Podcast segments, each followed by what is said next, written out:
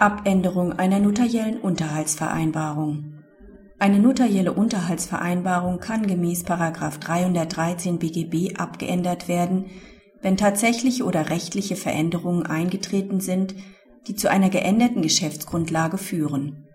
Es ist eine Gesamtbeurteilung aller Umstände, der geänderten und der unveränderten durchzuführen. Der Ehemann begehrt die Abänderung einer notariellen Unterhaltsvereinbarung dahingehend, dass er keinen Unterhalt mehr schuldet. Er weist darauf hin, dass er wieder geheiratet hat und aus dieser neuen Ehe einem weiteren Kind zum Unterhalt verpflichtet ist. Ebenso sei die geschiedene Ehefrau zur Berufstätigkeit verpflichtet.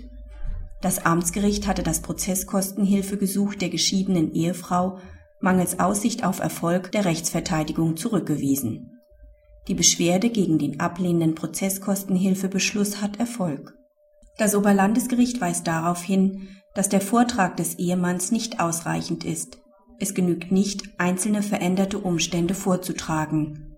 Geht es um die Abänderung einer notariellen Unterhaltsvereinbarung, so hat der Abänderungskläger die Gesamtumstände, die zu einem Wegfall der Geschäftsgrundlage im Sinne von 313 BGB führen, darzulegen.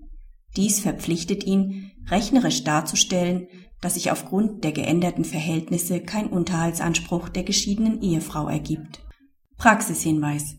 Ob die Änderung des Unterhaltsrechts zum 1. Januar 2008 überhaupt einen Abänderungsgrund für in der Zeit davor abgeschlossene Unterhaltsvereinbarungen sein kann, hängt davon ab, ob die Umstände, auf welche die Unterhaltsbefristung nach neuem Recht gestützt wird, zeitlich nach Abschluss der Vereinbarung eingetreten sind oder ob sie nach früherem Recht keine Unterhaltsbefristung rechtfertigen.